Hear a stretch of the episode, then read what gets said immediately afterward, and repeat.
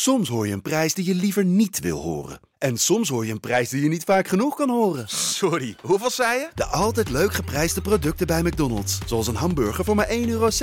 Of een chili chicken voor 1,95 euro. Galaxy AI is here. Open deze magische wereld met de nieuwe Galaxy S24-series. Omcirkel, zoek en vind het. Bijvoorbeeld die dikke sneaker op Insta. Of omcirkel een foto van een gerecht en vind meteen het recept. Op zoek naar wat liefde over de grens? Met ChatAssist als tolk is jouw liefde grenzeloos. Maak vlijmscherpe foto's en bewerk ze als een pro. Met Photo Assist verwijder je al het ongewenst uit je foto, zoals lelijke reflecties of je ex. Bestel de Galaxy S24-series nu op samsung.com. De Pantelich podcast wordt mede mogelijk gemaakt door Unibed.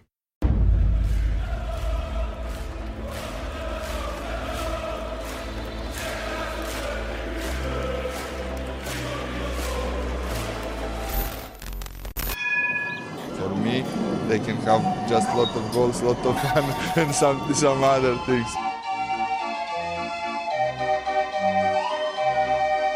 De Jong, slim gespeeld. Is dit de beslissing? Dit is de beslissing, denk ik.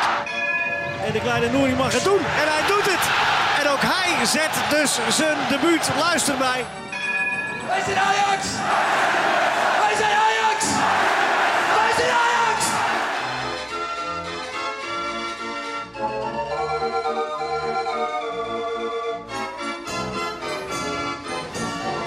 Welkom Ajaxide bij de 26e Pantelis podcast. Naast dat ik hier met Lars zit, hebben we vandaag twee gasten. Wouter Lauwmans en Bas Soetenhorst. Wouter is medeschrijver van de bestseller Mokro Mafia. En Bas is Ajax-watcher en ook eh, schreef hij over de zaak Promes. Maar bovenal zijn dit twee mede-Ajaxiden? Dat vraag je met een vraagteken. Dat- ja, dat vraag ik met een vraagteken. Wouter, ben jij... hou je van voetbal? Eh, Ik hou wel van voetbal. Ik ben niet een, ik ben niet een hele fanatieke eh, eh, supporter. Vroeger ging ik wel eens naar Ajax. vroeger, maar dan hebben we het echt wel over de tijd van de meer. En nu, toen had ik ook echt een kaart. Maar nu lift ik mee met vrienden die een kaartje over hebben. En probeer ik een beetje cherrypicking te doen voor mooie wedstrijdjes. Dus ik, ik ben niet echt iemand. Ik ben ook niet echt iemand die eh, met een bord op schoot naar, naar eh, Studio Sport zit te kijken. Dat, dat, dat, dat ben ik niet. Zo goed volg ik het allemaal niet, zeg maar, het voetbal, technische gedeelte. En jij, Bas? Nou, ik ben wel Ajax-fan, maar eh, ik moet bekennen dat eh, Sparta bij mij op één staat. Ja? Voor een parooljournalist. Maar op, op, op zichzelf bijt elkaar dat eh, bijna nooit, hè? Nee. Nee, dat is waar.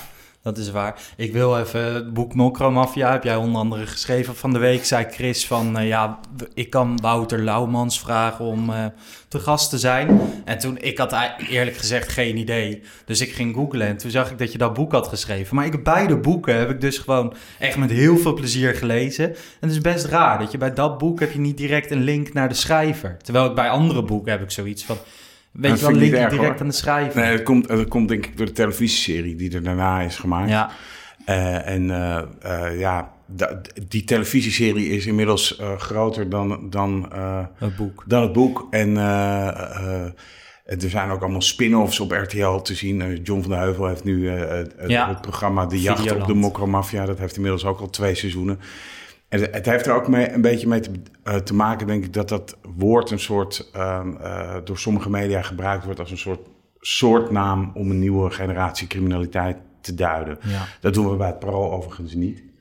Eh, maar ja, dat, dat, dat, daar, ik denk dat het daardoor komt. Jullie hebben de afgelopen week eh, artikelen geschreven over Promes, allebei. Bas, jij over de imagoschade van Ajax. Jij, jij Wouter, over eh, de link met rappers. Nou ja, laten we gewoon even teruggaan naar, eerst naar eh, zondagmorgen was het. Dat bekend werd dat Promes eh, was opgepakt. Ik zat net de wedstrijdeditie op te nemen, of tenminste die was opgenomen. En toen twee minuten later kwam het nieuws dat Promes was opgepakt. Toen mochten we weer achter de microfoon eh, kruipen. Waar hoorde jij het, Chris? Thuis. Ik was gewoon thuis. Schrok je?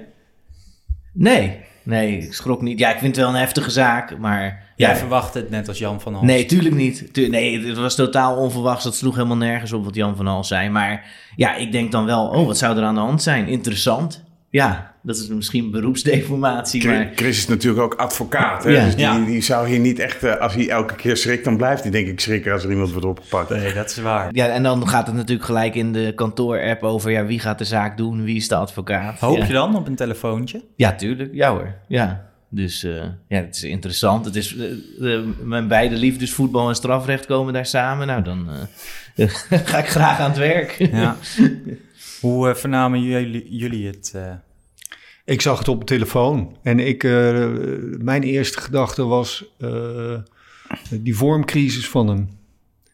Eh, Ja. Is die hier aan te relateren? Dat is het eerste wat ik dacht. Dat is natuurlijk best lastig, want dat wordt veel geroepen nu.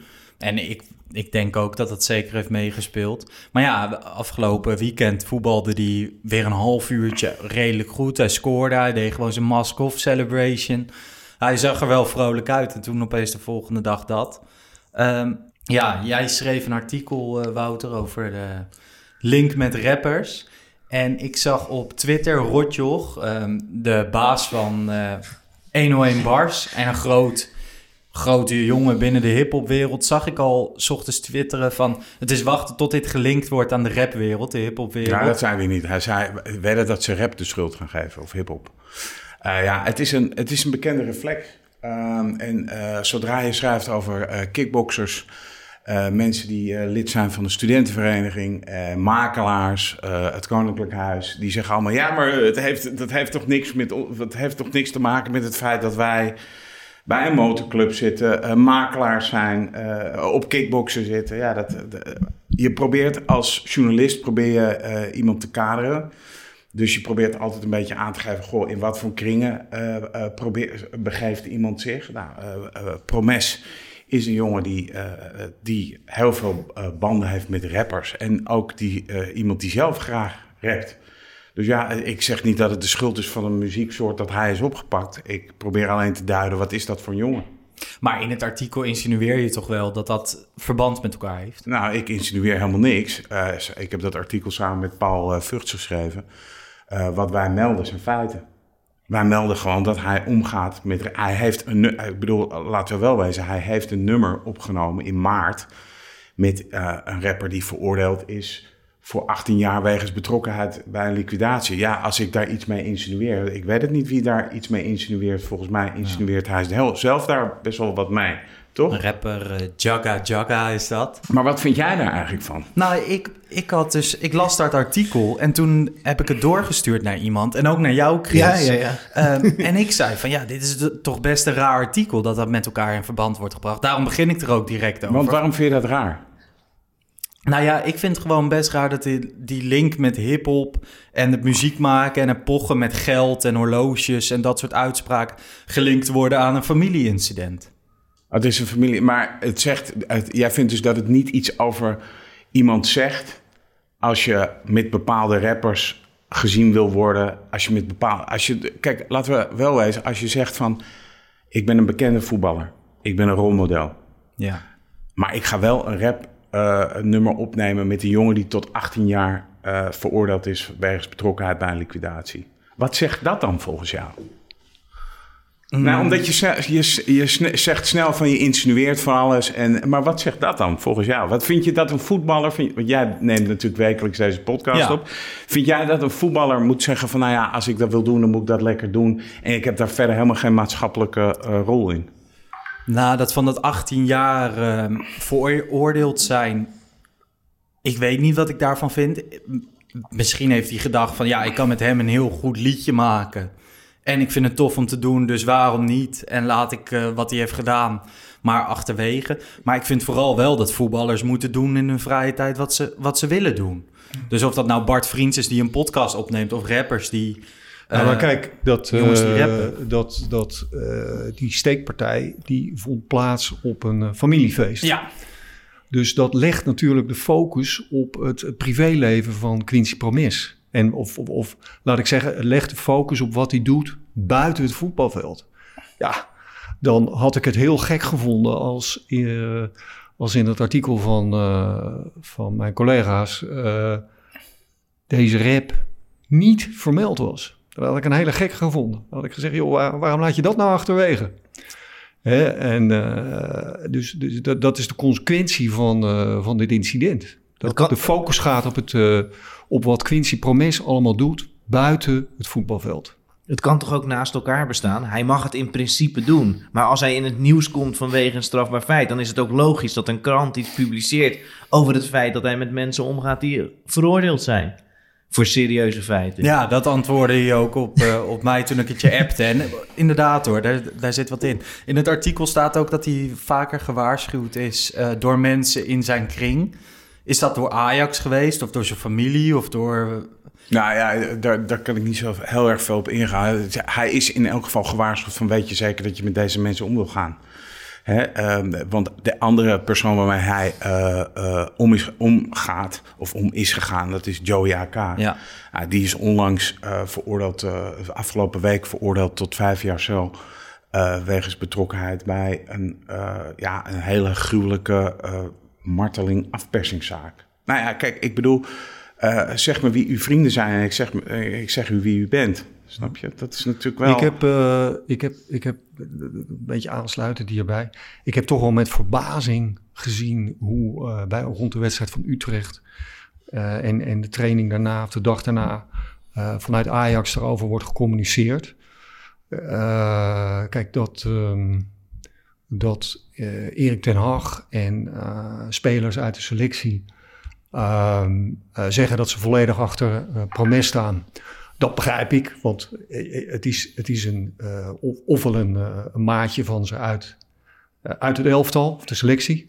ofwel als trainer, ja, dan sta je op zo'n manier in, in zo'n relatie tot zo'n ja. speler. Dat, dat, dat kan maar op één manier, namelijk als je elkaar volledig vertrouwt. Uh, maar uh, het, het, het, volledig ontbreken van uh, woordvoering door de directie maakt dus dat, dat dit het enige geluid is wat we nu horen. en dat, dat straalt nogal een laconieke houding uit. En ja, dat, dat heeft mij ten zeerste verbaasd. Omdat de club hier op, op langere termijn echt grote risico's mee loopt voor een uitstraling. En ja, dat, dat hij nu weer lijkt aan te gaan sluiten bij de selectie. Ja, vind, ik ook, vind ik ook zeer riskant. Je, de winterstop staat voor de deur, dus weliswaar maar een korte. kijk, ik, ik, ik begrijp wel dat je niet, je, je, je kunt niet, zoals bij een politiek schandaal, wat, wat daar wel gebeurt, is dat, dat, dat een politicus of een bestuurder dan even, even op de reservebank wordt gezet. Ja. Uh, in afwachting van een onderzoek. Hier kan je, je, kan moeilijk zeggen, ja, we gaan wachten tot de rechtszaak is geweest als het zover zou komen. want dan, dan ben je minimaal maanden verder. En je kan moeilijk in de tussentijd zeggen, ja, je, mag, je mag niet spelen al die tijd. Maar het zou mij niks verbazen dat we binnen nu en een paar weken iets meer details te weten gaan komen. En in de tussentijd zou, zou, zou, zou ik pragmatisch zijn als ik in de directie zat. En zou ik zeggen, uh, Quincy, misschien is het beter voor iedereen even. Dat het, is voor jou heel heftig wat er nu allemaal gebeurt. is, is het goed dat we even een pauze inlassen en dan kijken we na de winterstop verder. Jij zegt laconiek, hoor ik. is het niet meer onmacht en niet weet, op dit moment even niet weten wat ze moeten communiceren? Nou, ik neem, kijk, ik neem Ten Hag en die spelers helemaal niks kwalijk. Want dat die zeggen wat ze hebben gezegd, snap ik volledig. Uh, maar uh, uh, kijk, de directie die moet de langere termijn in ogenschouw nemen en niet, de, de, de, en, en, en niet de, de wedstrijd tegen ADO of Willem II die eraan zit ja. te komen. en die zouden ook naar voren moeten treden, juist om te voorkomen dat Ten Hag en Tadic zichzelf in de hoek schilderen met hele goed bedoelde steunbetuigingen aan promis. Hè, bij, bij een politiek schandaal, dan uh, zou je, uh, of dan, dan, dan zie je altijd dat, dat de mensen, die, die, de, de partijgenoten of medebestuurders, heel zorgvuldig bewoordingen kiezen. kiezen in de wetenschap dat ze ermee om de oren kunnen worden geslagen in een later stadium. En ik vind het niet fair om Stel, stel dat hij schuldig zou worden bevonden. Dan vind ik het niet fair dat je dan Erik ten Hag en uh, Tadic uh, en, en Labiat, of ik weet niet wie het allemaal waren, uh, om, om daar, daar, daarmee gaat achtervolgen. Bij, bij, als Van der Sar naar voren zou komen, dan, dan ligt dat wel in de reden, denk ja. ik. Dat je, die, die moet zijn woorden op het goudschaaltje leggen. Maar ik vind het, een, ik, ik vind het niet van kracht getuigen dat, dat, we hem, dat we Van der Sar nog niet hebben gezien in deze kwestie. Ja, e- want dan moeten we misschien even voor de, de luisteraars duiden. Hij is nu, uh, de, de voorlopige rechten is opgegeven. Hij is in vrijheid gesteld, maar hij is nog steeds verdachte. Dus nu inderdaad, zoals jij ook zei, ja, gaat het waarschijnlijk nog maanden. Misschien gaat het wel een half jaar, een jaar duren voordat we meer weten. Wat zou dan uh, volgens jou een goede manier zijn? Want oké, okay, je noemde net de winterstop. Maar daarna gaat het voetbal weer verder. En de kans dat de strafzaak misschien pas na het einde van dit seizoen plaatsvindt, is, eh, is groot. Ja, kijk, daar kan je, je, je, kan ja. niet, je kan niet verlangen van de club dat ze promes al die tijd uh, buiten de selectie gaan houden. Hè? Want dat, dat is, uh, dan maak je zijn carrière natuurlijk kapot. Dan zie je in potentie, los van de kapitaalvernietiging voor Ajax zelf. Maar ehm, uh, kijk, de, de, de kans is natuurlijk toch groot dat we tussen nu en uh, 10 januari, dan wordt de winterstop wel weer, is, is dan alweer ten einde, geloof ik. Ja. Dat, dat, dat we dan via de media meer horen over wat er, wat zich heeft afgespeeld. Dus eigenlijk hm. zeg je, die directie moet echt even naar buiten. tijdwinst. Wat, ja. wat zou jij, ik bedoel, jij bent strafrechtadvocaat. Ja. Stel, Promes had jou, uh, ja, had zondag had jij die zaak gekregen. Dan had jij hier nu niet kunnen zitten natuurlijk. Of wel, dat weet ik niet. Wat had jij hem dan geadviseerd? Ja, ja, ik denk dat het in zijn voordeel is, omdat, juist omdat het tegenover elkaar staat. Hè? Dat slachtoffer zegt, ja, meneer Promes heeft mij gestoken. Ja, laten we de feiten misschien even ja. nog één keer benoemen. Wat, ja. de, wat er gebeurd is, is volgens mij... Um, uh, hij wordt ervan beschuldigd dat hij een familielid heeft neergestoken uh, op een familiefeestje in juli. Hè? Uh, en dat, eigenlijk is het best vreemd dat hij nu pas is opgepakt. Daar zou een soort, want ik heb Yehudi Moskowitz gesproken, de advocaat van het slachtoffer.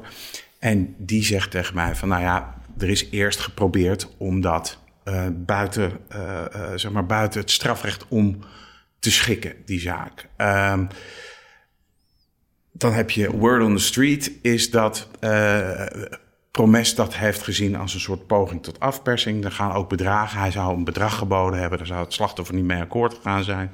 En vervolgens is dit balletje helemaal gaan rollen. Op mij komt dat over als best wel toch uh, uh, een beetje een smeerboel. Hoe komt het op jou over? Maar een smeerboel in de zin van... Nou ja, je hebt een familiesituatie. Uh, waarom is dat slachtoffer niet gelijk naar uh, uh, de politie gestapt? Hè? ja. nou ja, daarvan zegt de advocaat van... nou goed, hij wilde, hij wilde de carrière van Promes niet schaden uiteindelijk is dat nu toch, uh, hoe je het ook wendt of keert, is dat toch wel gewoon gebeurd. Ja, nog een tussenstap is ook heel interessant. TCI-informatie. Nou ja. Uh, Wat is TCI-informatie? Dat is dus uh, ja, anonieme informatie die, naar de team criminele inlichting is gegaan. En, en op basis daarvan zijn ze bij die neef terechtgekomen. En heeft de politie gebeld, luister, wij krijgen die informatie de TCI is ja. volgens mij de uh, eh, AIVD van de politie. Ja, Klopt. zo zou je het kunnen noemen, ja. Ja, zeker. En, en, en toen zijn ze naar die, naar die neef gegaan en toen heeft hij alsnog aangifte gedaan. Maar ja, goed, natuurlijk kan ook iemand uit die omgeving van die neef of die neef zelf... Da daar naartoe bellen en die informatie geven. Kennelijk was er in ieder geval een drempel om zelf aangifte te doen. Toen heeft, het nog een maand, toen heeft de politie nog een maand onderzoek gedaan en toen is uh, Promes aangehouden. En nou de vraag, ja. wat, zou jij, wat zou jij nou als advocaat adviseren om te doen? Wat zou je bijvoorbeeld Ajax adviseren? Nou, ik, zou, ik kan me wel vinden in wat Bas zegt. Ik, ik, ik heb in ieder geval, nou laat ik het zo zeggen, ik heb in ieder geval gemist een reactie. Een reactie eigenlijk van de SAR moet gewoon voor de camera komen. Maar ja, die zegt ook over Dubai dat hij geen politieke partij is. ja, dat is misschien een beetje flauw. Nee, maar de, je hebt kracht nodig. En dat kan, dat kan zonder een standpunt in te nemen. Want wat deze zaak natuurlijk anders maakt dan sommige andere... is dat het recht tegenover elkaar staat. Dus Promes zegt één ding... En, en uh, de neef van het slachtoffer, of de neef van Promes zegt het andere ding, het slachtoffer zegt.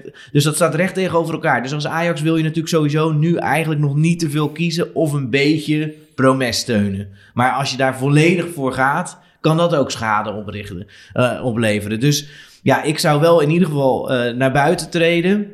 En ik, denk op zichzelf, als, als Promes zegt dat hij zich goed voelt, dan kan ik het me wel voorstellen dat ze dit hebben gedaan. Maar ik vind wachten tot de winterstop, zeker gezien de wedstrijden en het feit dat Promes ook wissel was daarvoor, vind ik helemaal geen uh, slecht idee. Als ik de advocaat van Promes was, zou ik aanraden om zo snel mogelijk weer proberen te voetballen. Hm. Wat er nu is gebeurd bij Ajax is gunstig voor Promes. Want ja, zijn medespelers steunen hem. En hij, ja, als hij dadelijk weer op het veld verschijnt, dan suggereert dat dat hij misschien hè, dat, dat, dat, dat het waar is wat hij zegt. Hey, uh, drie jaar geleden, drie jeugdspelers, een incident. En toen werd er wel keihard opgetreden door de club. Ja, vijf als ik denk. Vijf jaar geleden? Ja, ik denk dat het 2015 was. Maar goed, maar drie... Dan moet je mij even helpen. Waar, waar, waar, gaat dit over? Dat waren drie spelers. Uh, Azuzi, Bulut en een andere. Die waren... En er was een incident en er zou een uh, agente, die was in Burger... En die zou mishandeld zijn na een incident met de, de, auto van die jeugdspelers. En die zou een gebroken sleutelbeen hebben, uit de auto zijn getrokken. En daar zouden ze alle drie bij, uh, bij betrokken zijn. En toen schorste Ajax de spelers gelijk. De minister van Sport, Schippers, zei er toen wat over. Wilders, het ging om spelers die kennelijk twee jongens met een Marokkaanse achtergrond en een Turkse achtergrond. Dus dan komt Wilders ook weer optreden. Die zei dat de paspoorten moesten worden afgenomen. Ach jeetje. compleet belachelijk. Maar toen was de reactie van Ajax heel anders maar de waarde van die spelers ook. En ja. Nou, daarom vind ik het ook wel interessant om, vind ik eigenlijk interessanter om naar de Kluivert-case uh, te, ja. te, kijken. Uh, en daar heb ik me van de week, ik, ik had het wel een beetje in mijn hoofd, maar natuurlijk al die gebeurtenissen had ik ook niet meer chronologisch goed paraat. Dus ik heb het even terug zitten zoeken allemaal. En die, die veroorzaakte een dodelijk ongeval toen hij 19 was. En zat een paar dagen later alweer bij de selectie en...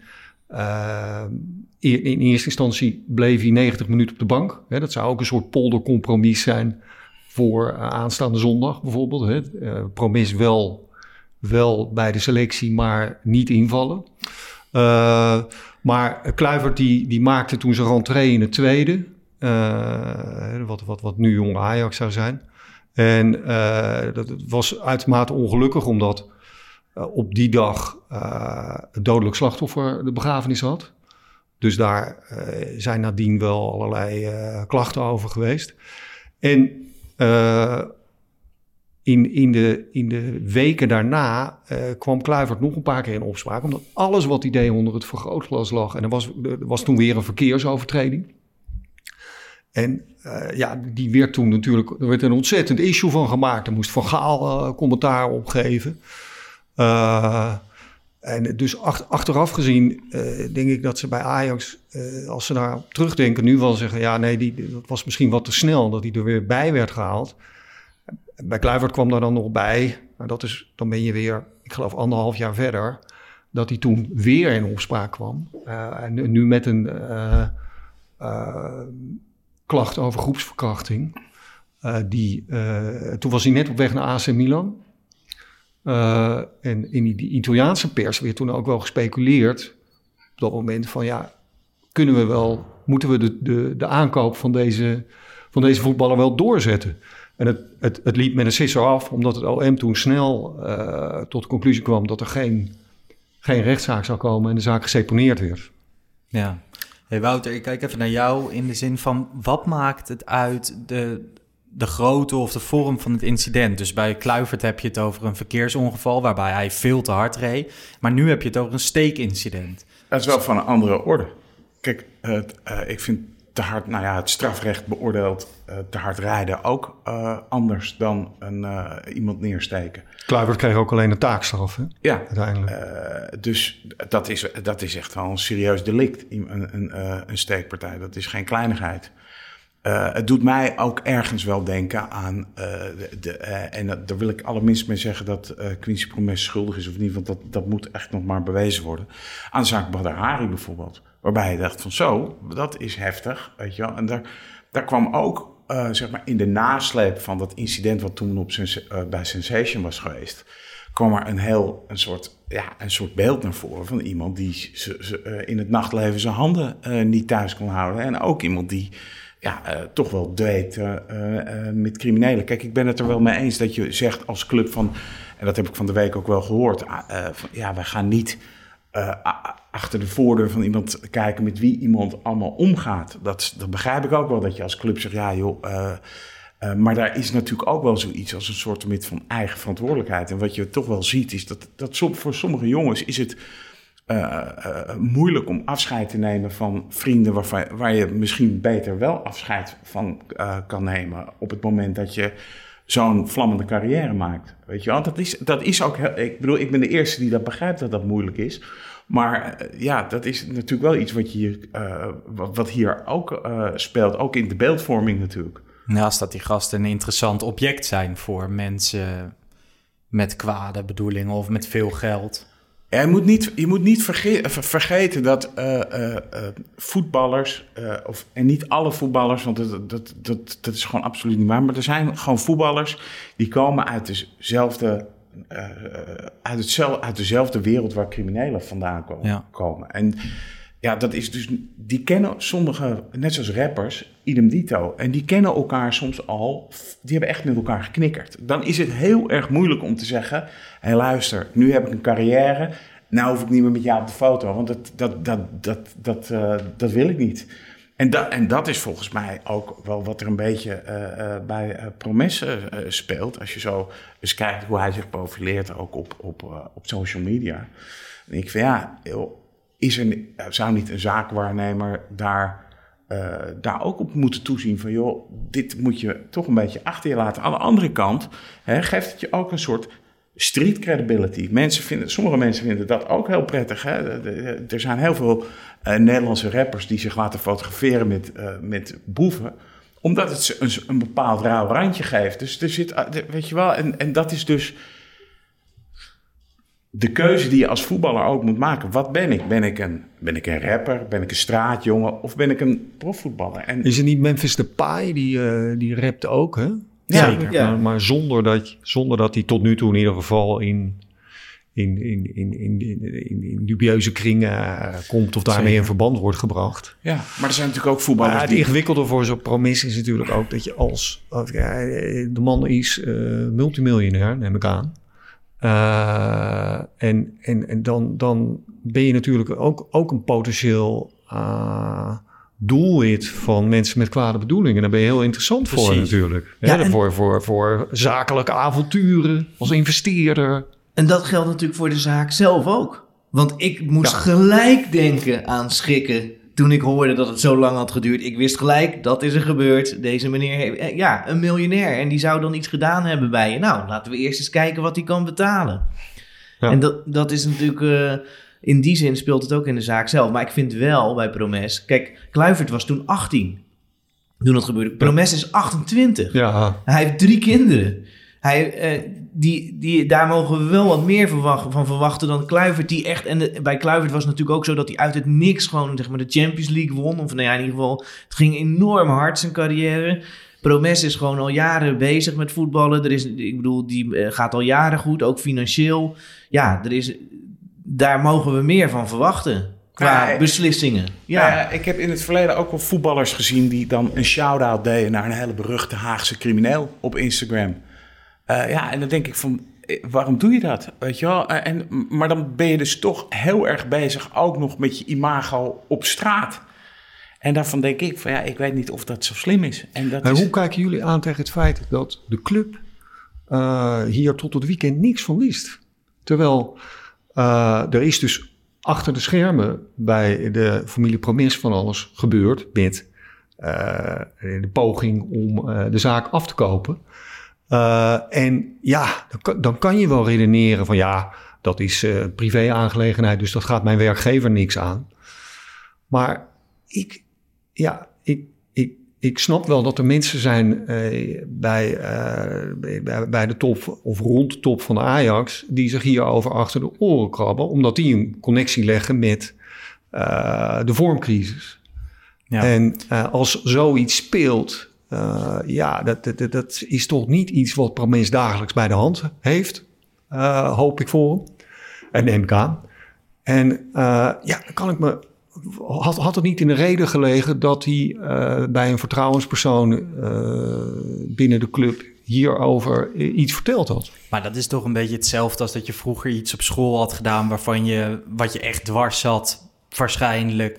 En dat je het wilde vertellen, maar die stap is vrij groot om naar de top van Ajax te oh, stappen. Oh, maar, dit, oh, dat maar op, school, uh, op school ben je A, echt uh, minderjarig. En uh, hier gaat het ook over financiële belangen van een voetbalclub. als als er zoiets in mijn, als, als er zoiets in mijn omgeving zou, zou spelen, zou ik het normaal geven, vinden dat mijn werkgever verwacht dat ik dat aangeef. Omdat, waarom zou je het niet aangeven? Als je, als je, als je onschuldig bent. Nou ja, als je, hè, en dan snap ik, daar, daar kan ik me ook nog wel iets bij voorstellen dat je zegt: het is een familiekwestie. Hè? Dat, ja. Dus ik ga dat niet aan de grote klok aan. Maar dat je zegt: joh, er speelt iets heel heftigs in mijn, in mijn, in mijn privé-situatie. Ja, dat lijkt me toch wel iets wat je even moet aangeven. Helemaal als dat zo te maken heeft met, met, met zo'n publiek profiel. Dan, dat, dat is niet hetzelfde als dat je zegt: hé, hey, ik heb uh, uh, bij de Jamin 10 puntzakken snoep gehad en daar zit ik zo mee en moet ik dat niet vertellen aan, uh, aan de rector. Dat is echt van een hele andere orde. Maar ik snap wel dat Promes dat niet doet. Hij kan er alleen maar verlies door leiden en hij kan er niks mee winnen. Het is nogal een stap, zeker naar de directie toe, die toch een stuk ouder zijn. Kijk, je, je het is toch ook een stukje vooruit verdedigen, Chris? Precies, ja, is, dat... maar ik weet niet of hij zover vooruit heeft gedacht. Maar kijk, ja, als, als, als hij, hij kon op zijn vingers natellen dat als, hij, als er geen deal zou komen, dan ja, vroeg of laat zou ja. gebeuren wat dit weekend is gebeurd. En nu is de club daardoor overvallen. En had je, had je toen uh, de, de elftalbegeleider bijvoorbeeld in vertrouwen genomen, uh, dan, uh, dan, dan had Ajax, denk ik, al de communicatiestrategie klaar gehad. En uh, waren ze misschien uh, nog meer genegen dan nu het geval is. Uh, promis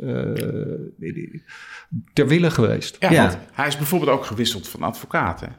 Dus hij is dit hij heeft twee advocaten nu. Ja, goed. Hij ja. Is, ja. De, de, laat ik het zo zeggen, de club heeft er sprong bij gezet. Dat ik wist niet dat het vanuit de club kwam. Maar ja, dan... Dat, zo, zo heb ik het begrepen tenminste. Nou ja, goed. Nou kijk, ik bedoel, ja, dat klopt. Het is waar dat de club hem ook inhoudelijk had kunnen helpen waarschijnlijk met, met de kwestie. Dus dat is waar. Alleen de vraag is, ja, heeft de club dan wel voldoende? Is er, zijn er genoeg vertrouwenspersonen? Doet de club genoeg? Dat kan ik zelf niet inschatten. Dat kun je je wel afvragen of dat, of dat zo is. Maar dat gaan ze zichzelf waarschijnlijk de komende tijd ook weer te raden. Mag ja. ik hopen. Maar ik vind het wel interessant. Er is dus een tweede advocaat bijgezet. Het was een vrouw die... Ik ja, vroeg aan jou Manon, of je Manon Almoes was de advocaat. Die is nog steeds de advocaat volgens mij. Is, er, is, er, is, is een bekende advocaat. Is onder ja. andere ook de advocaat van, uh, geweest van, uh, van, uh, van Jaga Jaga. Oké, okay. oké. Okay, dus die kwam echt uit, dat, uit die kon draaien. En nu de Spong, die overal de advocaat is, of vrijwel overal, voor mij als buitenstaander. Nee, dat is helemaal niet waar, maar de, Spong is niet overal de advocaat. Nee, maar je ziet hem vaak op tv. Het is wel gewoon een grote advocaat. Het is een... Top? Nou, dat, ja, ik denk dat Chris dat beter kan zeggen, want het ik is denk jouw dat, confrère. Ja, het is een goede advocaat. Ja, zeker. En ik ja, doe... hij, hij is ook bekend, maar hij is ook goed. Ja. Oké, okay. maar die, dat die er nu is bijgezet, dus door de club, uh, zeg jij, Wouter. Um, ja, ik wat, denk dat dat, door de club, dat... Op, op, advies van de club is ge geweest. Wat kan dat dan betekenen? Waarom zouden ze dat doen? Ja, maar er zijn zoveel redenen dat mensen een advocaat bellen. Dus ik, ik weet. Ook een tweede. Dat ja, dat gebeurt. Sommige mensen denken dat je heel veel advocaten moet hebben. Ja, de, dat, uh, dat is zo, dat gebeurt. Dus ik, dat vind ik heel lastig te zeggen. Maar ja, in dat voortraject, ja, zou, ik weet niet hoe. Ja, dat is zo lastig. We weten niet hoe het verlopen is. Maar ik denk dat Ajax de middelen en de kennis heeft om bij zoiets te, te helpen, ja. Dus daar kun je je afvragen van. Maar ja, ja, is er genoeg begeleiding? Voelen die spelers uh, zoveel binding met de mensen van de club om zoiets naar voren te brengen? Ja, dat is de vraag. Dat is al heel oud, toch? Toen George Best vanuit uh, Noord-Ierland uh, naar Manchester kwam, toen werd hij niet eens opgehaald bij de boot in Liverpool. hij was samen met ja. een andere speler en die is teruggegaan naar Ierland. Omdat ze niet opgehaald werden. Dus dat is al dat is al zo oud en dat wordt wel steeds beter in het profvoetbal. Maar je, je kunt je nog steeds wel eens afvragen. Hè, nog steeds uh, spelers uit Zuid-Amerika die, die ook soms in appartementen wonen met weinig meubels. Dat komt volgens mij nog steeds voor. Oké. Okay. En wat is het vervolg nu? Ja, nu moeten we gewoon afwachten tot de zaken uiteindelijk... Ja, kijk, het feit is serieus genoeg voor een dagvaarding. Dus als zeg maar, die verdenking sterk genoeg blijkt te zijn... dan wordt het uiteindelijk een rechtszaak met een hoop uh, pers erbij. Maar dat kan nog makkelijk een hele tijd duren... want uh, de Spong heeft al aangegeven dat hij getuigen wil horen. Dus ja, die zullen dan gehoord worden bij een rechtercommissaris... Nou, dat kan, dat kan allemaal nog uh, maanden in beslag nemen. Zijn we nog lang niet klaar mee.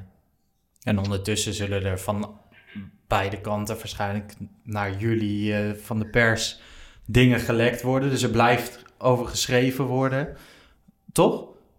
Ik ga, Denk ik. Uh, ik weet niet. Uh, ja, maar er komen toch altijd, er komen altijd dingen naar, naar buiten van beide kanten. En lees je weer een artikel van die kant en een artikel van die kant. Dus daarmee wil ik zeggen van... Wij, dit wij, gaat... Laat ik het zo zeggen, we houden de zaak zeker in de gaten. Ja, precies. Ja. En alles wat er gehoord wordt, wordt opgeschreven. Dus het blijft nog heel we lang hebben ook lopen. wel even gecheckt, hè, eerst. We moeten wel even horen, wederhoren. Het is niet alles wat Precies. we horen schrijven we op, want anders dan... Had je bij shownieuws gewerkt? Nou, ja, anders was ons vak een stuk makkelijker. Oké. Okay. Het gaat door, Sudder. Wat gaat dit nou, voor dat- effect dat- hebben op ja, Ajax? Ja, maar dan moeten we nog wel een beetje afwachten. Want aan de andere kant is het zo. Er is nu een dossier eh, van eh, het voorgeleidingsdossier. Want uh, is bij een rechtercommissaris geweest. En dat is het nu. En, nou, en er is eh, heel intensief gezocht. Ik denk, er zullen vast wel wat mensen die bij dat feest zijn geweest ge- gehoord zijn. Ja, ik weet niet of er nu nog heel veel meer eh, nieuws kan komen. Ja, misschien wordt er nog iemand gevonden die ook op dat feest was. Of een nieuw detail. Ja. Het, het kan in theorie, denk Ja. ik ook, dat het, eh, dat, het, dat het zoals toen bij de, de, de kwestie met de Kluiver, dat het OM besluit te seponeren. Tuurlijk, dat is Ja, heel, dat heel dat kan ook. Dat zou natuurlijk het ideale scenario zijn voor uh, Promes en voor Ajax. Ja, en dan ko- komen we op de reputatieschade. Niet alleen voor Ajax, maar ook voor Promes zelf. Want ik zat gisteravond nog eens naar die jeugdspelers te kijken. En dan het, wat je nog wel kunt vinden is dat de twee geen verdachten meer waren. Maar wat uiteindelijk met die strafzaak van die derde is gebeurd, dat is niet eens, is niet eens terug te vinden. En alle berichtgeving gaat over het gebroken sleutelbeen en de agenten. Een paar dagen later werd al bekend dat het sleutelbeen helemaal niet gebroken was. En dat die agent in Burger was en dat het niet bekend was. En, en hoe verder de zaak verloopt, hoe minder nieuws daarover kwam. Dus met andere woorden, de verdenking, dan komen er ministers die wat vinden, Kamerleden, Ajax. Dat, dat kun je nu, als je op die namen van die spelers zoekt, zie je dat als eerste boven komen. Maar het verdere verloop, daar moet je alweer harder voor zoeken. Dat die twee, twee van de drie helemaal geen verdachten meer waren na een paar dagen, is al moeilijker te vinden. Ik denk wel dat dat bij Promes een beetje anders is. Maar wat ik wil aangeven is dat de schade nu al gedaan is. Dus als het blijkt niet waar te zijn, heeft Promes enorme reputatieschade opgelopen. En uh, ja, dat is wel heel. Ja, dat is, ja, dat is meelijwekkend, vind ik. Nou ja, bijvoorbeeld Sergio Pat is nooit meer opgeroepen voor het Nederlands zelf dan nadat hij een incident had in een trein. Een veel minder groot incident. Ja, het is natuurlijk goed voor te stellen dat hij niet meer voor het Nederlands zelf toch gaat voetballen. Zeker nou ja, niet. Kijk, uh, ik denk dat de boer inderdaad als hest... Uh, voorlopig hoeft hij denk ik geen selectie op te roepen. Maar, denk had dat wel gemoeten, dan... Uh, ja, dan had het mij niet verbaasd. Promis, nee, zou er waarschijnlijk niet Nee. bij zitten. En daar had... Stel dat als hij nou heel dun had gezeten in zijn vleugelspelers... wat vaak het geval is bij het huidige Oranje... dan had ik mijn uh, excuus wel klaar gehad als, als de boer. Of excuus, mijn verklaring. Ja, hij is uit vorm, hij speelt bij zijn eigen club niet in de basis. Die strafzaak, ja, nee, dat, uh, of, of, of die verdenking moet ik zeggen, want dat is nog geen strafzaak. Uh, dan, ja, nee, dat, daar, dat heeft geen rol gespeeld nee. bij mijn overweging. En dan, dan had hij die hete aardappel links kunnen laten liggen. Ja, ik denk dat de KVB hem, als er nu een selectie zou worden gemaakt of komende maand, dan zouden ze hem sowieso niet oproepen. Daar zouden ze in ieder geval. Nee, nee, ik denk dat KVB er ongelukkig mee zou zijn als dat zou gebeuren, als de boer dat zou doen. Omdat, ja, je kan de discussie uittekenen die dan ontstaat. He, moet je zo'n speler, dat toch een beetje dynamiet is op zo'n moment, moet je die wel uh, in je selectie willen? Dat zou de discussie zijn. Ja, er werd deze week ook gewoon uh, gevoetbald. Labiat scoorde, deed nog een gebaartje voor uh, Promes. Heb je genoten, Chris? 5-4 Utrecht? Ja, ik vond het wel leuk. Ik zag dat mensen heel negatief waren op ja. Twitter. Ik uh, ben altijd vrij positief van geaard. Maar ik vond, ik vond het leuk om te kijken. Ja, ik heb veel fouten gezien, maar ook echt twee hele mooie goals van Ajax. Ja. En uh, rondje verder tegen Utrecht, prima. Ja, het is niet echt een wedstrijd waar je heel veel over... Of tenminste, je kan er heel veel over zeggen. Ik weet niet of we dat uh, willen met uh, twee zulke mooie gasten aan tafel... met zoveel kennis over andere zaken. Nou ja, door in de beker. Uh, ik wil nog wel even terugkomen op het wedstrijdwoord. Ten Hag gaf daarna direct een interview waarin hij zei crazy night. En Isabel, het voetbalvrouw 1, deed een inzending crazy night. K-R-E-E-Z-Y N-J-I-G-H-T. Dus op een andere manier geschreven.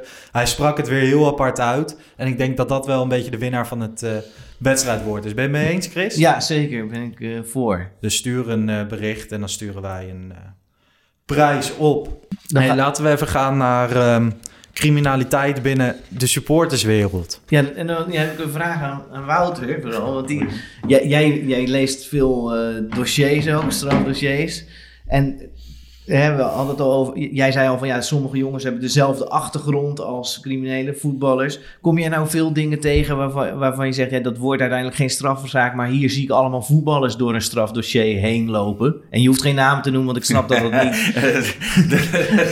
maar dat is natuurlijk gelijk de volgende vraag. Ja, wie dan? Nee, nee, nee. nee maar ik, dat, ik, ik, ik heb uh, zeg maar in. Ik doe dit vak nu 20 jaar met enige intermezzo's. En ik heb eigenlijk in die afgelopen 20 jaar met enige regelmaat kom je voetballers tegen uh, in strafdossiers. En dat is echt al zo vanaf uh, nou, de eerste strafdossiers die ik inzag. En dat zijn, zijn dat juist de grotere zaken waar ze als... Uh... Uh, nou, dat, dat, zijn, dat zijn grote zaken, kleine zaken. Dat is, zijn ja, van alles en nog wat, zou ik maar zeggen. En dat zijn, soms kom je, ik, en het is vaak in de zijlijn, hè? dat moet ik ook, ook wel zeggen. Het is, je merkt ook wel dat uh, verbalisanten uh, het soms buitengewoon grappig vinden of, of boeiend vinden uh, dat iemand met een bekende voetballer koffie drinkt. En daarbij zeg ik dan altijd van ja, wat zegt het? Het kan natuurlijk ook gewoon zijn dat die twee elkaar kennen van vroeger. En dan, weet je wel, dan sta je dus wel met naam en toenaam in zo'n dossier. ik denk altijd van ja, ik, dat schrijf ik niet allemaal gelijk op dan. Omdat je denkt van ja, je kan niet inschatten wat nou precies het belang, niet altijd inschatten wat het belang is voor, voor een strafzaak. Maar je komt wel, uh, wel voetballers tegen. En in, in de na afgelopen jaren zijn er ook wel voetballers in de, in de zijlijn van grote strafzaken uh, uh, wel eens opgedoken. soms als slachtoffer, soms an, op andere wijze. Ja, Yassine Abdelouis misschien bedoel je als slachtoffer. Ja, ja, ja. bijvoorbeeld. Ja, want wij hebben het hier natuurlijk vooral over Ajax. We noemden net al even Patrick Kluivert. Danny Blind, die, uh, dat is weer een heel andere orde. Geen georganiseerde criminaliteit. Nee. Die reed onder invloed. En zelf moest ik nog denken, en volgens mij hebben wij het ook wel eens over die zaak gehad, van Donny is niet zo'n hele bekende speler. Die heeft maar vijf minuten in Ajax 1 gespeeld. Maar die, uh, die werd op een gegeven moment uitgeleend aan Haarlem. En die verscheen daar uh, met Cor van Hout en Willem Holleder. Ja. Ja, weet je wat het is? Het zegt ook iets over, uh, uh, over, uh, bedoel, over um, het enorme spotlight wat er op je komt staan als je bij zo'n voetbalclub gaat spelen. Dus je bent gewoon een. en er zijn heel veel mensen die eigenlijk niet talentvol genoeg zijn om het uiteindelijk te maken. Ik heb onlangs een verhaal geschreven over een meisje, een meisje uit Amsterdam, Nora O. En dat was een, in het vrouwenvoetbal ja, hoor je dit soort verhalen bijna nooit. Maar die is nu verdacht van betrokkenheid bij een liquidatie in Amsterdam-Oost. of in het oostelijk gedeelte van Amsterdam. Ja, wat het zegt is dat voetballers dus kunnen afglijden naar uh, de onderwereld. Of naar grote problemen, grote justitiële problemen. Dat is bij mannen zo en dat is nu dus ook bij vrouwen zo. Maar je ziet het denk ik bij de, als je het hebt over de supporters ook wel uh, in het, gegeven dat, dat voor uh, mensen die in criminele kringen verkeren, voetbal vaak een, gewoon een enorme aantrekkingskracht heeft, uh, om, om, om, omdat ze het mooi vinden en opwindend. En bij Ajax had je dat de laatste jaren wel met Polletje bijvoorbeeld, die, uh, die een, belangrijke rol had in als, als leider van de supporters. En een kijk, je, je moet als club aanspreekpunten hebben, ook in je harde kern. Hè? Want daar moet je mee. Als je daar niet mee on speaking terms bent, dan, dan is het een stuk moeilijker om de openbare orde te organiseren. Dus de gemeente, uh, de driehoek, het OM, die verlangen natuurlijk ook van een club dat ze aanspreekpunten hebben binnen die harde kern. En ja, op een gegeven moment was Polletje dat. Maar als, als dan uh, zo iemand met allerlei misdrijven in verband wordt gebracht, dan, gaan, dan is het voor media natuurlijk brisant dat zo iemand in kringen verkeert in, in de buurt van of in directiekamers. Ja. Moeten we even uitleggen natuurlijk dus dat is ook heel moeilijk. wie Polletje was. Of wie, wie dat is. Ja, doe jij dat? God, ja. Uh, Polletje is in het verleden veroordeeld voor uh, een, een, schietpartij in, uh, in een Haarlemse seksclub. en daarbij zijn toen... En dan kan het zijn dat ik de, drie, drie mensen doodgeschoten. Zeg ik dat goed? Volgens, volgens mij was het zo dat het er vier waren. Dat Polletje er voor drie werd vervolgd. En dat hij voor één vanwege noodweer geen straf heeft opgelegd gekregen. Dus, nee, want, dat is in, in, eind jaren negentig ja. was dat in de seksclub in Esther in Haarlem. En dat was een hele grote, dat was toen echt, uh, nou ja, dat weet jij natuurlijk ook nog wel, Bas, dat het een gigantische zaak was. Uh, want daar zouden uh, leden van de Hells, de slacht, een van de slachtoffers was lid van de Hells Angels volgens mij. Dus het was echt wel toen een hele, hele grote, grote zaak. en ja, nadat die jongens een straf had, het was al een bekende uh, hooligan, zou ik maar zeggen. En nadat die jongen zijn straf uh, had uitgezeten, is hij eigenlijk weer, had hij weer naam gemaakt binnen de harde kern van Ajax. En werd hij dus aanspreekpunt van de club. Had Van Praag, had van Praag hem niet opgezocht in, uh, in ja. de gevangenis ook? Ja, ja Van Praag liet zich daar altijd op voorstaan dat hij zo'n goede band had en noemde hij dat als voorbeeld. Ja.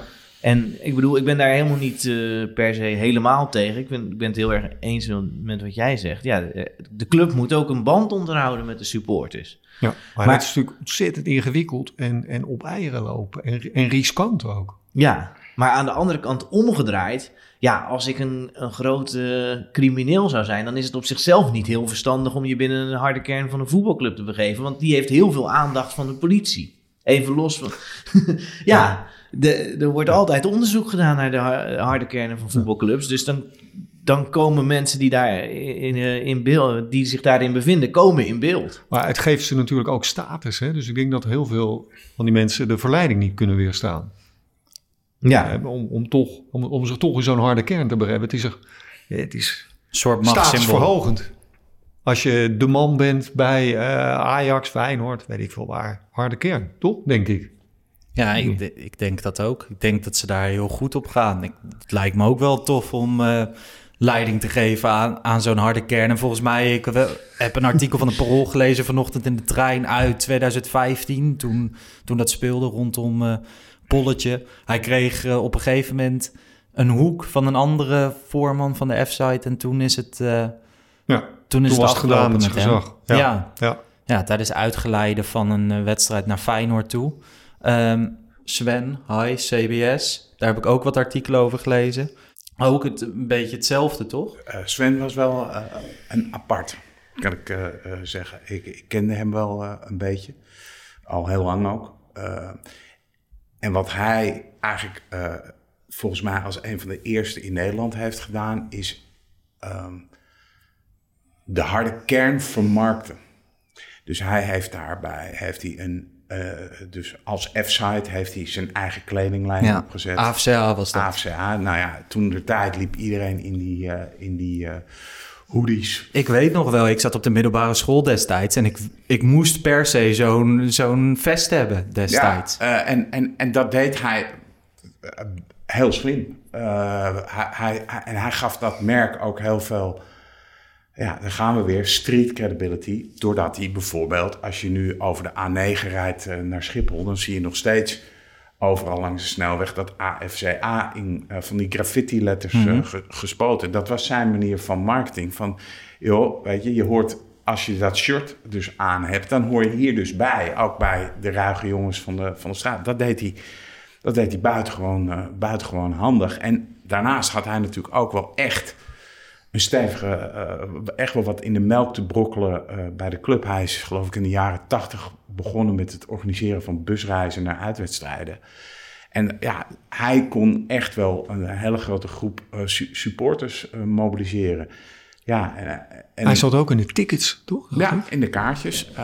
En, en, dus daar, daarmee zie je, op een gegeven moment, hij gebruikte zelfs het oude logo van Ajax. Uh, dat, was, dat was een logo wat door zijn merk gebruikt werd. En daar, daar heeft de club ook nooit wat tegen ondernomen. Nee, in, in de, de winkel in, bij, bij in de arena kon je het ook uh, krijgen, die ja. kledinglijn. Hè? Dat vond ik toch wel toen ik dat hoorde, ja, misschien noemen we naïef, maar ik vond dat toch wel shocking. Dat dat, omdat je je toch dan als club uh, lieert met, ja, met, met, met een hele scene waar je, waar je uit het oogpunt van imago uh, helemaal buiten wil blijven. Nou ja, er zijn, er zijn, er zijn oude filmpjes, uh, die kun je nog wel terugvinden. en dan staat Sven met een bivakmuts. In de arena staat hij te, te, te, praten over, nou ja, dat is heel lang geleden natuurlijk, over die rellen toen langs de A10. Dat is eigenlijk in de aanloop geweest naar de, de slag bij Beverwijk. Dus ja, dat was, dat was Sven, weet je wel. En die had dus een hele, hele stevige vinger, of hele stevige machtspositie binnen die club. weet je wel, als je iets wilde met de supporters, moest je eerst langs Sven. En dat had hij, ja, voor de club. Ik weet niet of dat een wenselijke situatie is voor de club. Maar hij had dat wel listig, listig geregeld, zou ik maar zeggen. Maar ja, hoeveel weet die club ook? Want jij hebt het over oude beelden die jij dan kennelijk met een nou, het, ik, denk, ik denk dat zo'n club, die heeft echt wel in de gaten gehad wie dat was. Dat, dat, ik, kan, ik kan me niet... Uh, ja, ik bedoel, toen er, je hebt toen zo'n crisis gehad bij, bij Ajax, weet je wel. Uh, en toen ging Rick van der Boog, die ging met, met Sven praten. Weet je wel, van wat gaan de supporters doen? Dus dan weet je dus gewoon dat er vanuit de directie van zo'n club... wordt er dus gepraat met, oké, wat doen de tifosi? En dat is natuurlijk een heel iets heel geks in dat voetbal. Dat je gewoon, die supporters, daar heb je echt wel mee te maken. Dus je kan wel zeggen, joh, we ja. Nee, dat vind ik ook niet verwijtbaar. Nee, dat, helemaal dat niet. Van de Boog met hem sprak. Nee, zeker niet. Hij moest maar, wel. Ja, hij moest ook wel. Maar, je, je- je- maar daarmee zie, eh, erkende dus wel de directie van de club zijn machtspositie. Want waarom zou je anders met, met hem gaan praten? Ja. Snap je? Ze gaan niet eh, eh, met iemand boven in, het, eh, boven in het familievak praten. Dat doen ze dus niet. Dus ze praten met hem.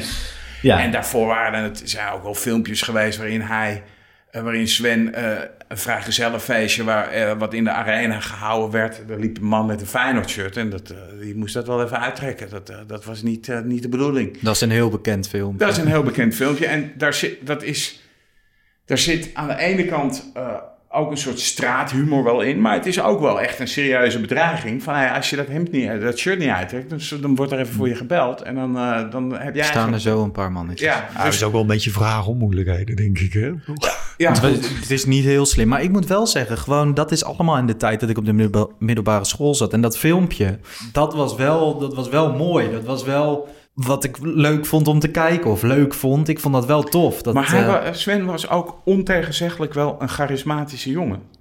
ja, hij heeft een super supergroot spandoek gehad op het moment dat hij is... eh, Ja, dat, dat was hij wel. En dat was hij vroeger in Amsterdam. Was het ook al iemand, ja, uit mijn jeugd was het wel iemand waar, waarvan je dacht van ja, dat is wel iemand waar je niet zomaar even omheen liep, zou ik maar zeggen. dus daar heb jij mee geknikkerd. Jij kende hem al Nou, ik heb niet met heel af. dat gaat veel te ver. Maar ik wist, ik wist absoluut wel wie het was en ik kende hem ook wel. Weet je wel, dus dat, dat- ja, hij, is, hij is wel ouder dan ik. Hij is een paar jaar ouder dan ik. Maar hij was in, het jaren, in de jaren 80 en 90 in, zeg maar, de, de hele, eh, ja, in Amsterdam was dat echt wel een bekende jongen. Oké.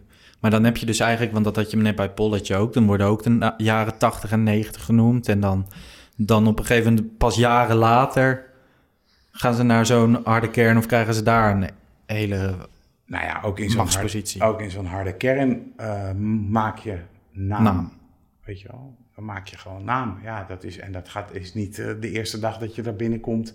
Dat zijn natuurlijk hele, eh, hoe, hoe zou ik dat even hoe zeg ik dat goed? Dat zijn hele apenrotsachtige toestanden. Daar, daar, daar kom je niet zomaar even binnen en zeggen ze van, oh, we gaan naar hem luisteren. Zo, zo werkt dat niet. Die harde kern die is ook, eh, die, die, die kan ook. de- er, zijn, er, zijn best wel wat aanwijzingen, laat ik het zo zeggen, dat in de kruifkoep die harde kern op een gegeven moment gericht is ingezet want die stond in de achtertuin bij een van die directieleden toen. Die woonde ergens in, uh, in het Gooi. Uh, die, die, die, die, die, werd, die werd wakker gemaakt en er stonden er tientallen hooligans daar. Op het moment dat hij in een conflict zat met Kruif. Ja. Um, dus, dus zo, dat, dat is natuurlijk ontzettend bedreigend was dat. Voor, zo, zo ervoer hij dat in ieder geval. Uh, dus het, het, kan ook nog eens een, een gemeen wapen zijn om, om in te zetten in uh, machtsstrijden die van tijd tot tijd uh, woeden. Dit is wel een tamelijk extreem voorbeeld wat ik noem. Maar. ja, maar die, die supporters, die harde kernsupporters, en daar, daar, die gedachte snap ik, hè. Die harde kernsupporters, die hebben het idee, die club, die is van ons. Want die directie ja. die wisselt, de spelers die wisselen, het enige die er altijd zijn, dat zijn wij. En dus die voelen zich heel erg verbonden. Uh, niet zelden brengen ze een heel groot deel van hun salaris naar die club. Dus zij hebben gewoon zo heel erg sterk het gevoel: het is onze club. Ja. En ik begrijp dat wel. Uh, en, en, en, niet dat ik alle uitwassen uh, begrijp, maar dit, dat gevoel, dat begrijp ik wel. En dus als er gedoe is in zo'n club, dat zij zich daar tegenaan gaan bemoeien, die gedachte begrijp ik ook, omdat zij het gevoel hebben: ja, hallo, die club is van ons. En die is niet van de aandeelhouders, die is van de supporters. Ja, en dat is, het, dat, is, dat is eigenlijk het gevoel wat er in zo'n harde kern heel sterk heerst. Van, joh, wij waren er al, uh, wij waren er al bij toen ze, de Euro, uh, toen ze tegen Lokomotief Leipzig moesten spelen eind jaren 80. Stonden wij er al. En, en wie van, die, van toen is er nu nog dan? Ja, wij. Nou, en dat is het gevoel, waardoor, die, die extreme verbinding bij zo'n club. En ik denk dat Sven uh, Westerdorp ook zo'n gevoel had van... Hey joh, ik loop al jaren bij die club. En die club, dat is, weet je wat, dat is van, van, van mij en mijn vrienden in de, in, de, in de harde kern. Dat gevoel. Ba Bas, jij hebt wel geschreven over de rol van Ajax daarin, die communicatie met die uh, harde kern. Doet Ajax dat goed? Nou, het is de laatste tijd in ieder geval wel best, best wel rustig. Ja, maar is rustig goed per definitie? Bijvoorbeeld bij de aardsrivaal Feyenoord is het vaak onrustig. Maar dat komt vooral omdat het bestuur daar volgens mij niet met supporters praat. Die zeggen gewoon van wij, ja. wij houden ons daar buiten. En Ajax doet dat heel erg. En dan hou je het wel rustig als je ze altijd... Nou, dat, nou, dat is niet waar. Want uh, van tijd tot tijd is, is, is, is er wel gedoe. Ja. Uh, en, en de de, kijk, de strategie van uh, gesprek aangaan heeft het nadeel dat je uh, geen schone handen houdt. Want want dan, dan duiken er veel beelden op of foto's waar je staat op een gegeven moment met, met, met, met een van die figuren die, die vroeg of laat iets gaat uithalen waardoor je er niet mee geassocieerd wil worden. Dus daar, daar maak je dan vuile handen en tegelijkertijd uh, snap ik toch wel dat, dat Ajax uh, terms wil blijven. Om, om, om zicht te houden op wat er gebeurt en om uh, afspraken te kunnen maken die natuurlijk niet altijd goed zullen worden nageleefd. Maar ja, ik denk dat het beter is dan om de luiken dicht te gooien. Ja, je, je ziet af en toe gewoon wel een eruptie van, van gedoe. Hè, en uh, dat zag je, wacht even, toen ze tegen Tottenham Hotspur uit uh, moesten. Ja, dan, dan is er gewoon, dan zijn er weer relletjes op straat hè, in, in, uh, in Engeland. Um, wat je bij Feyenoord ziet, want daar heb ik ook wel eens over geschreven, is dat ze daar heb je gewoon het, dat noemen ze het verschil tussen de rode en de blauwe stoeltjes in de kuip. En daar wordt gewoon eigenlijk op, daar heeft, hebben, heeft eigenlijk het gros van de van de Kuip heeft het idee van dat bestuur. Ja, die hebben helemaal niks met, die, die hebben helemaal niks met ons van doen. En je ziet het nu met het, met het uh, bouwen van het nieuwe stadion. Die plannen daarvoor. Ja, een groot deel van de supporters vindt dat helemaal niks. Nee. Weet je wel? En die zeggen, net zoals de harde kern van uh, Ajax, zeggen ze, die club, die is van ons. Overigens heeft bij, waar, waar we het nog niet over gehad hebben, was, was de wedstrijd van vorig jaar van uh, de Ajax-jeugd tegen de Feyenoord-jeugd. Ik moet eraan denken omdat jij over Feyenoord begint. Uh, op, op de toekomst. Ja. Waar uh, Ajax zich toch enorm heeft verslikt in het idee, weet je wat, we nodigen wat, wat van de jongens uit voor de gezelligheid. Hè, en dat liep natuurlijk helemaal uit de klauwen. Ja. hè. Die wedstrijd werd eh, gestaakt. En dat was ook best wel extreem met Dirk Kuyt, die eh, toen op die, die, die Ja, dat was heel bedreigend voor Feyenoord. Ja. Wat daar gebeurde. Eh, En die haat zit heel diep. familie van eh, spelers die eh, zich niet Ja. veilig waanden. Ehm, en en eh, ik, ik denk dat Johnny Heitinga dacht van... nou ja, ik heb zo'n goede band met die jongens... dat ik kan dat wel... Ik ga het wel even oplossen. Ik, ik, ik, kan, ik kan dat wel... eh, ik, ik, ik kan ze binnenhalen zonder dat het uit de klauwen loopt. En ja, het is toch, eh, het is toch dynamiet... wat je, Ja, zeker, wat je dan zit binnen de poorten haalt. Nou, misschien zit er ook iets opportunistisch aan. In de zin van, want de harde kern brengt natuurlijk ook sfeer. En op zo'n toekomst, Ja. als daar veel supporters zijn... dan is dat in het voordeel van Ajax als Ajax fanatiek wordt Ja. aangemoedigd. Ja, 100%. dat is ook zo. Chris, jij hebt ook nog een tijdje in zo'n raad gezeten, toch? Dat je praatte met... eh, Ik heb wel eens gesprekken gehad omdat ik eh, de juridische zaken deed bij de OVA. Dus ik ben wel eens bij wat Ja. van die gesprekken aanwezig geweest. Hoe gaat dat?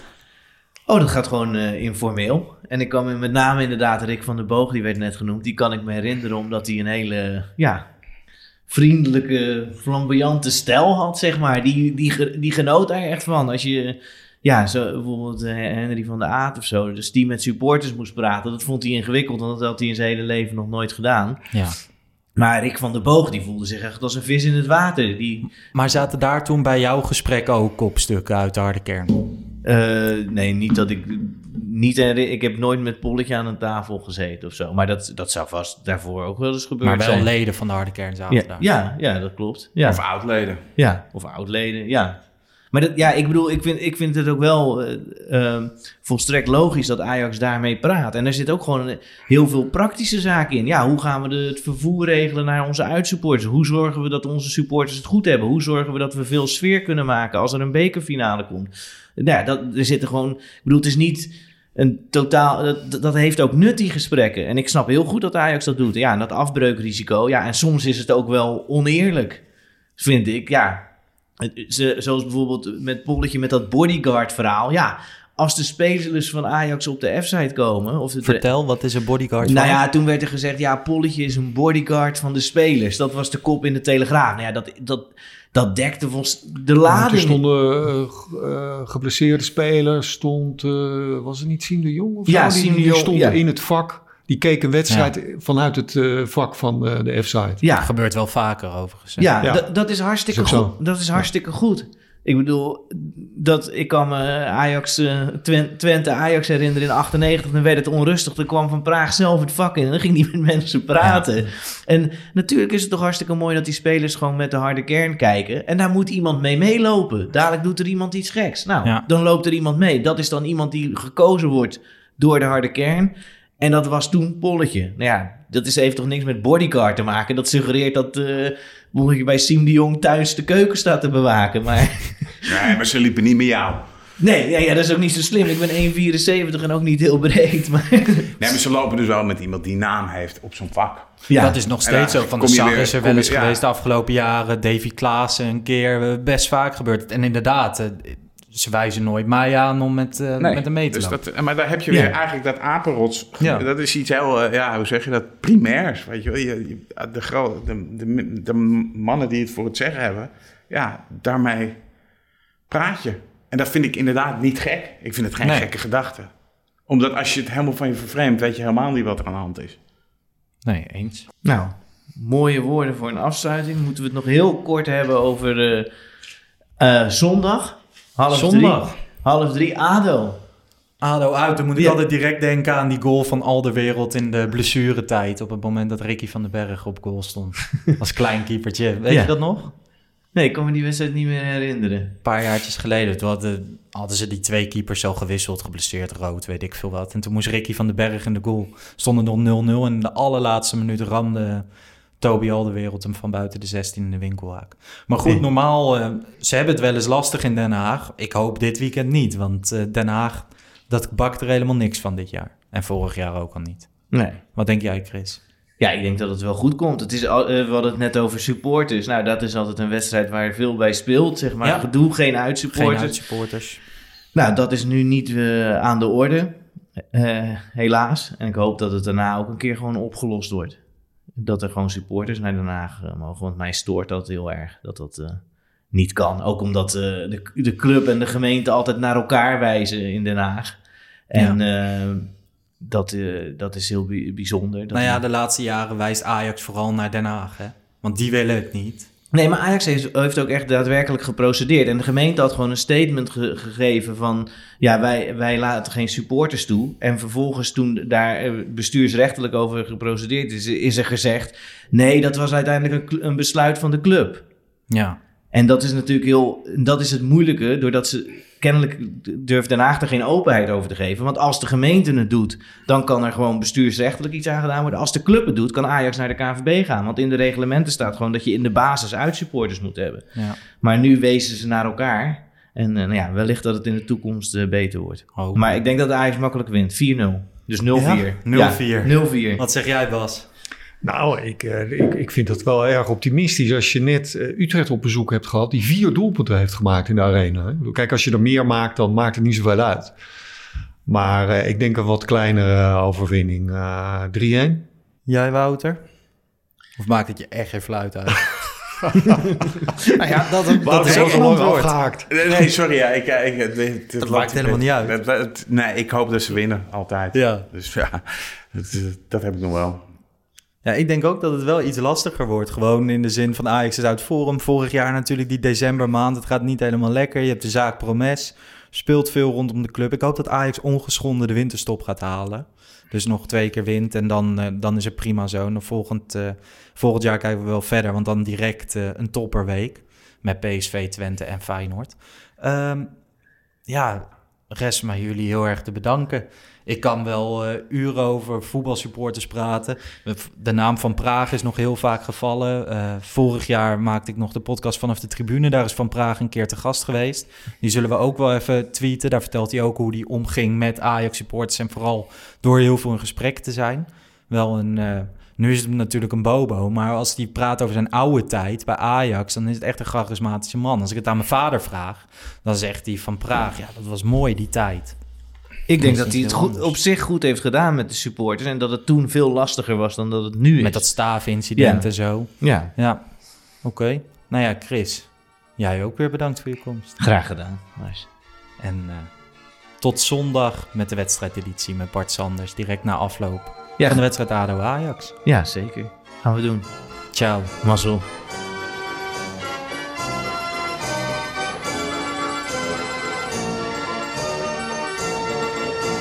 Let's go Ajax.